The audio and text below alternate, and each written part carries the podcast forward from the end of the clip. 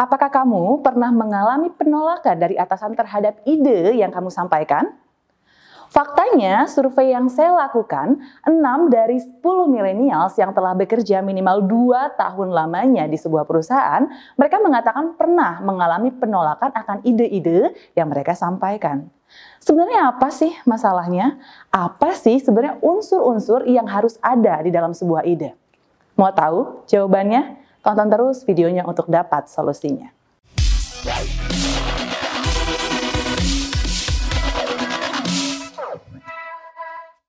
Unsur-unsur yang harus ada di dalam sebuah ide yang ingin kamu sampaikan ke atasan sering saya sebut dengan MDBO. M yang pertama adalah masalah. Pastikan ini adalah sebuah masalah yang memang worth it untuk diselesaikan. Lalu yang kedua adalah D atau data dan fakta. Carilah data dan fakta sebanyak-banyaknya, selengkap-lengkapnya untuk mendukung ide kamu. Lalu yang terakhir adalah BO atau business opportunity. Berikan business opportunity di dalam ide kamu untuk perusahaan yang tentunya bermanfaat untuk perusahaan.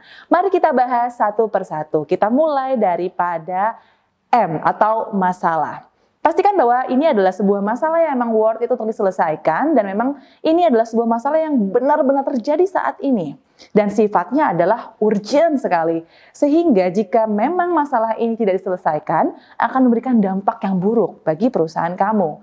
So, jika kamu sudah pastikan bahwa ini adalah masalah yang memang oke okay untuk dibawa dan juga memang ini idenya memang oke okay banget akan memberikan dampak untuk perusahaan, langsung bungkus aja idenya. Lalu yang kedua adalah data.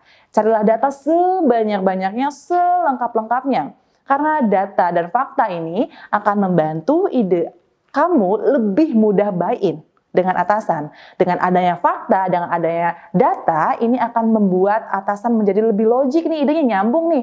Memang idenya nyambung, dengan faktanya ada, data yang ada, jadi semuanya nyambung. No matter what, just do it. Carilah data dan fakta sebanyak-banyaknya.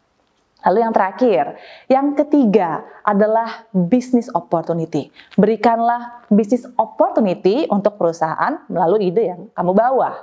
Dan business opportunity ini harus di-highlight, ditekankan karena ini adalah suatu hal yang paling disenangi oleh semua orang, termasuk atasan kamu. Jadi, pastikan bahwa ada business opportunity di dalamnya. Dampak bagi perusahaan itu seperti apa. Tapi, Prinsip yang harus kamu tahu tidak selalu bahwa bisnis opportunity bentuknya adalah uang atau jumlah nominal rupiah. Tidak, bisa jadi bentuk yang lain. Contohnya seperti ini. Bapak Ibu, saya punya sebuah aplikasi. Aplikasi ini jika nanti diterapkan untuk perusahaan kita, maka akan memberikan dampak yaitu akan ada profit yang besar 2 triliun per tahunnya. Itu adalah contoh yang untuk mengenai uang, tapi tidak selalu seperti itu teman-teman. Bisa jadi seperti ini. Bapak Ibu, ini ada sebuah aplikasi yang kemudian jika diterapkan untuk perusahaan kita, maka nantinya akan membuat atau membantu teman-teman untuk mengakses data yang tadinya butuh waktu sekitar 10 menit, jadi dipangkas, hanya butuh 3 menit saja. Seperti itu.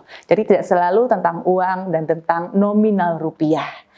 So teman-teman, itu tadi tiga unsur yang perlu teman-teman lakukan, yang perlu teman-teman masukkan ke dalam sebuah ide agar lebih mudah buy-in.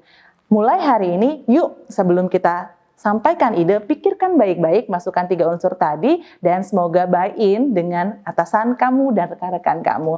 Jangan lupa dipraktekkan dan semoga sukses.